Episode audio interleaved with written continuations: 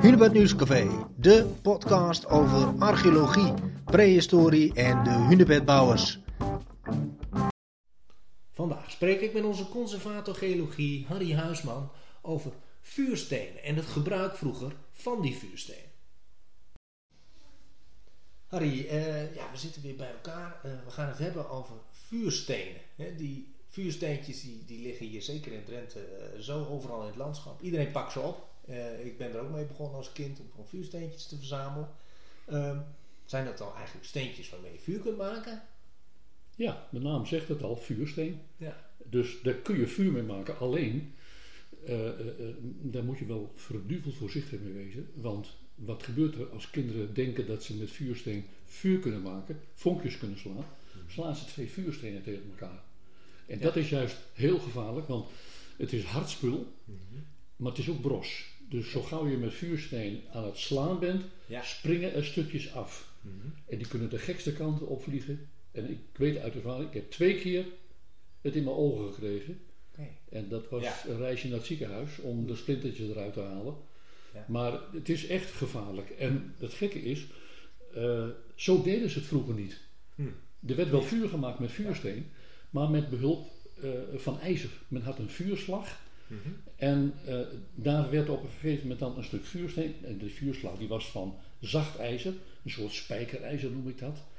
Ja. Dat als je met zo'n hard stuk vuursteen er langs streek, Ja. dan sprong er geen stukje vuursteen af, maar er sprong een klein stukje ijzer weg. En als ijzer eh, heet wordt en het is heel dun, dan roest het heel snel in de lucht. En dat geeft een vonk, dat geeft warmte. Mhm. Ik heb het ook eigenlijk nooit geweten dat, dat ijzer zou kunnen branden. Maar dat kan. Hm. Want ik heb een zwager gehad die, die, die voer op een grote vaart. En die heeft dat een keer meegemaakt. Dat ze ijzerschroot vervoerden. Ja. En dat was vochtig. En dat is in het ruim is dat gaan branden. Zo. Ja, dat is ongelooflijk. Dat is zo heet geworden. Hm. Door het roesten is het, dat is dus oxideren. Er komt Ja. warmte vrij. Ja. En als die warmte niet weg kan, denk maar aan het, eh, het, het, het broeien van een hooiberg vroeger ook. Als die warmte niet weg kan, dan zamelt het zich op en op een gegeven moment ga je grens over en dan gaat het branden. Hm. Dus vuursteen werd gebruikt Ja. om met ijzer eh, vonken te slaan. En die vonkjes die vlogen dan in materiaal wat heel makkelijk ging smeulen. Ja. Nou, en dat is een kwestie van techniek en daarmee gingen ze dus vuur maken. Vandaar de naam vuursteen. Ja. Maar het leuke is, als je twee witte kiezelstenen hebt en die sla je tegen elkaar aan. Ja. Dan krijg je ook eh, vonkjes. En het leuke is, als je dan gaat ruiken alsof het brandt. Ja. Dat is, ja. dat is heel leuk. En, en, en, en vuursteen, kunnen we dat, waar, ja, waar vinden we dat eigenlijk in de, in de, in de, in de bodem? Eh, Overal. Tenminste, Ja. eh, waar, waar zeg maar eh, in Midden- en Noord-Nederland de, de, de gevolgen van de ijstijd aanwezig zijn. mhm. Nou, dat is zo'n beetje tot de lijn Leiden, Nijmegen en zo Duitsland in. Alles ten noorden daarvan, ja, daar vinden we veel vuursteen. En dat Mhm. komt uit de zuidelijke Oostzee. Zuid-Zweden, Denemarken vooral. Ja. Maar je vindt in Zuid-Nederland en in, eh, eh, met name in Limburg en Brabant ook heel veel vuursteen. Oké. En dat is niet door de gletsjers aangevoerd, Nee. dat is door rivieren aangevoerd. Want het, het, het bijzondere is, vuursteen, ja, dat vormt geen rotsen. Dat vormt ook geen bergen. Ik heb wel eens gehoord knollen. Ja, knollen. Het vormt Ja. knollen en Mhm. pijpen en platen in kalksteen. Ja. En kalksteen is gewoon zeg maar een, een afzettingsgesteente opgebouwd uit ja, overblijfselen van, van zeebewonende dieren. Mhm. En in de zee leven ook een heleboel eencelligen. En die maken een klein kiezelskeletje. En eh, dat is een dusdanige samenstelling en zo ragfijn. Dat lost op. Dus als je van die lage kalksteen krijgt met allerlei resten van zeedieren erin, Ja. dan zitten er ook ongelooflijk veel skeletjes in van eencelligen. En Ja. die lossen op.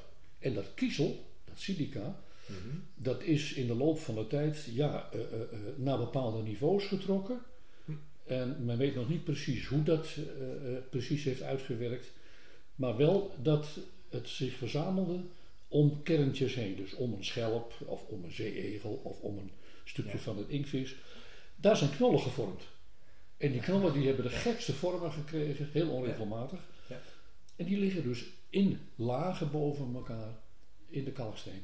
Nou, als je nou die bekende witte kliffen van Dover hebt, hè, Mhm. als je van Frankrijk naar, eh, naar Dover vaart, dan zie je die kliffen oprijzen. Mhm. Ben je dichtbij, dan zie je in die witte krijtrotsen zie je donkere lijnen lopen. En die, alsof ze met een lineaal getrokken zijn. Nou, dat zijn vuursteenbanken. Ah, ja. En als je daar dichtbij bent, dan zijn dat allemaal aaneengesloten, ja, wel losliggende Mhm. eh, vuursteenknollen. De gekste vormen. Ja. En vandaar ook dat mensen soms wel eens een vuursteenknolletje vinden die een hondenkopje lijkt.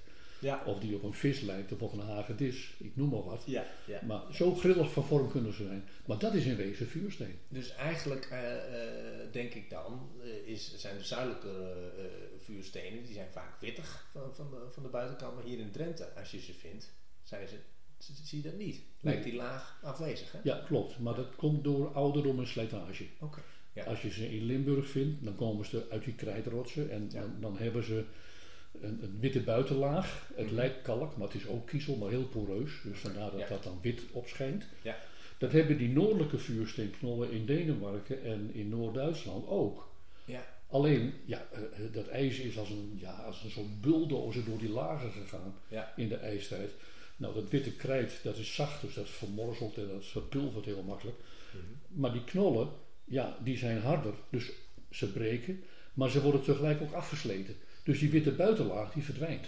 Ja. Ja, exact. En wat we niet moeten vergeten, dat heel veel vuurstenen in de laatste ijstijd, toen we hier geen gletsjers hadden, Mhm. maar het wel erg koud was, Ja. aan het oppervlak lagen. En Ja. die zijn als het ware gezandstraald Ja. door eh, nou ja, wegwaaiende stofdeeltjes en zandkorrels. En vandaar ook dat de vuursteentjes, als je die hier in Drenthe vindt, eh, heel vaak een mooie glans hebben. En dat is ook Ja. waarom kinderen die dingen oppakken. Ja. Ze glimmen zo leuk. Maar dat is dus eigenlijk puur dan eh, het weer. Dus Ja, dat is gewoon weer- en wind windgevolg? Ja. slijtage. En het leuke is, het- veel van die vuursteentjes, ja, die zijn zo glad alsof iemand uit de Ja. natuur, stiekem kaboutertjes of zo, daar met een kwastje met lak aan de gang gegaan zijn. Ja. Maar Ja. het leuke is, in de, in de geologie noemen ze dit ook windlak. Die glans op Oh, vuursteen is windlak. Veroorzaakt door de wind, Mhm. omdat die zandkorreltjes ja, met miljoenen achter elkaar zo'n vuursteentje hebben gebombardeerd.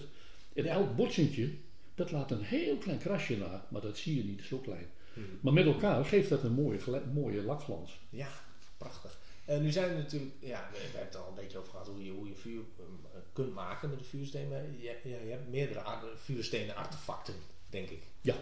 Eh, wat zou je daarover kunnen vertellen? Nou, eh, artefacten, dat moet even duidelijk gemaakt worden, dat zijn werktuigen. Ja. En, en, en eh, mensen die in de steentijd hier in Nederland leefden, kenden uiteraard nog geen metaal. Nee. Eh, in de tijd toen ze hier de Hunebedden gebouwd hebben, eh, helemaal nog niet. Ja, dat moet ik een beetje met de nodige reserve eh, eh, eh, vertellen. Men kende al wel metaal, maar buiten Nederland. Ja. Alleen in sommige hunebedden zijn kleine stukjes koper gevonden. Afkomstig waarschijnlijk uit Joegoslavië, tenminste de Balkan. Ja. Daar werd een koperwinning gedaan. Men kende het dus al wel, metaal. Mhm. Maar hier in de steentijd was het gebruik daarvan meer een soort sieraad, een sieraad, een soort Ja. ja. statussymbool. Mhm. Maar de echte werktuigen die werden van vuursteen gemaakt. Ja. Of van geschikt ander gesteten. Mhm. En het, het leuke is dat eh, als je bijlen wil maken waar je bomen mee wil kappen, Ja. heb je aan vuursteen niet zo gek veel. En waar ligt dat aan? Omdat het bros is. Ja. Het Ja. is wel hard en het is ook wel vlijmscherp. Maar als je er maar iets mee gaat slaan, dan heb je heel snel kans dat zo'n vuursteen erbij kapot gaat. Mhm. Dus je moet een soort gesteente hebben wat taai is. Ja. Wat, dat mag best wel minder hard zijn. Maar Ja. als je dat gaat slijpen en het is veel taaier, dan kun je ermee meppen. Ja. ja. En eh, nou, dat- is proefondervindelijk, is dat ook bewezen. En men heeft onder andere ook gekeken naar, eh, naar, naar- de Papua's in Papua-Nieuw-Guinea. Mhm. Eh, Ja. Want die leven min of meer nog in het stenen tijdperk. Ja. Nou, daar zie je ook het gebruik van bijlen, niet van vuursteen, maar van een donker, zwaar, ijzerrijk gesteente. Oh, En dat noemen ze gabbro of diabaas, verwant aan basalt. En daar kun je mee meppen. Ja. Ik bedoel, eh, en, en het is niet zozeer dat je daarmee het hout snijdt, maar je slaat het volkomen kapot. Ja. Ja. En dat gaat heel effectief. Mhm. Maar van vuursteen hebben ze mesjes gemaakt Ja. om te snijden. Ze hebben schrappertjes gemaakt. Als men eh, eh, zeg maar dieren geschoten had, dan werd de huid werd er afgestroopt. Maar die moet dus behandeld worden. Hè, de, Ja. de vetresten, vleesresten moeten eraf.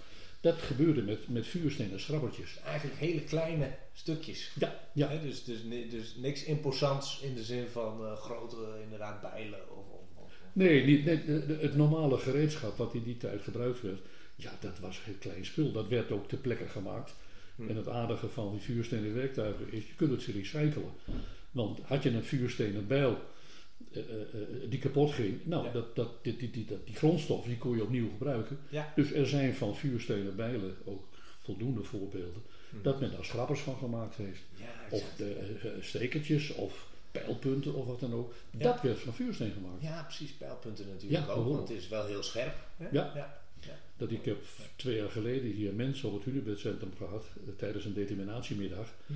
En die lieten iets zien wat ze gevonden hadden op een zandpad op het Drouwende, op het Drouwende Zand. Oh, ja. En dat bleek een, een hele mooie driekantige bladspits te wezen. Heel dun, nog geen halve centimeter dik. Zo. Maar een centimeter of ja, drie hoog en, en, en tweeënhalf breed ongeveer. Fantastisch mooi gemaakt, hadden ze zo gevonden. Hm. En dat is blijkbaar, ja, een, een, een, een pijlpunt was die te groot voor. Men noemt dat Ja. een bladspits.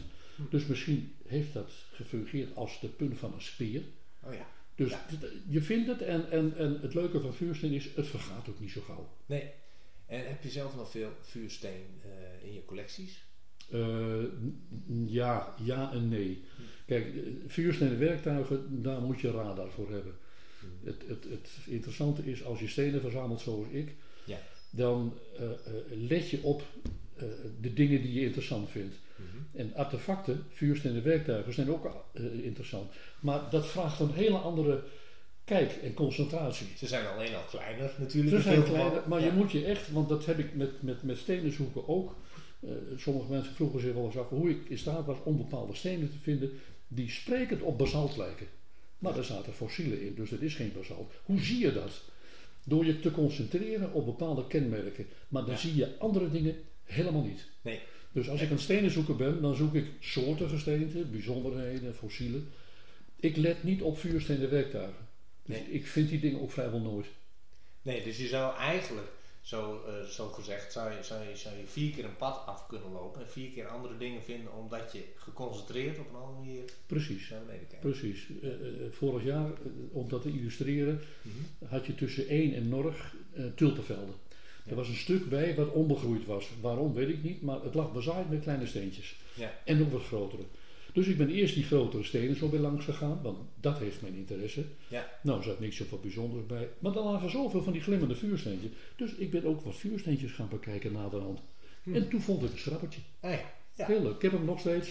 Maar dat, dat illustreert gewoon, je concentreert je op een bepaald, eh, eh, ja, een bepaalde groep dingen. Ja. En alles wat er even buiten valt, dat zie je dan niet. Nee. En zo komt het dat ik met vuursteen en werktuigen nooit gelukkig geweest ben. Dankjewel. Dit was alweer een podcast van het Hunebed Nieuwscafé. Meer weten? Kijk dan op hunebednieuwscafé.nl voor meer podcast en meer achtergrondartikelen. Heb je een vraag? Mail dan naar gklokmaker.hunebedcentrum.nl Blijf op de hoogte en luister mee in het Hunebed Nieuwscafé.